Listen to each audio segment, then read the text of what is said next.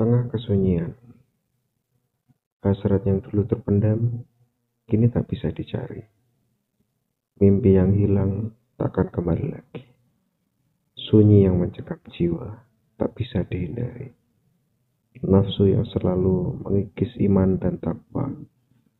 Gejolak jiwa memalingkan diri dari harapan. Ada yang selalu ramai tapi pasif. Ada yang sunyi tapi sangat aktif.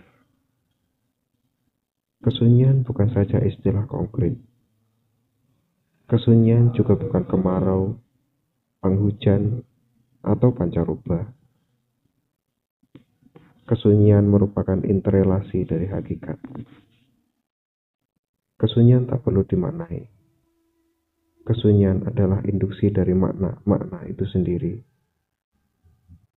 Aku tengah berada dalam perjalanan rasa, menghayati peta dari berbagai istilah dan fatwa, berburu yang ada dalam ketiadaan. Ternyata banyak juga yang tiada dalam keberadaan.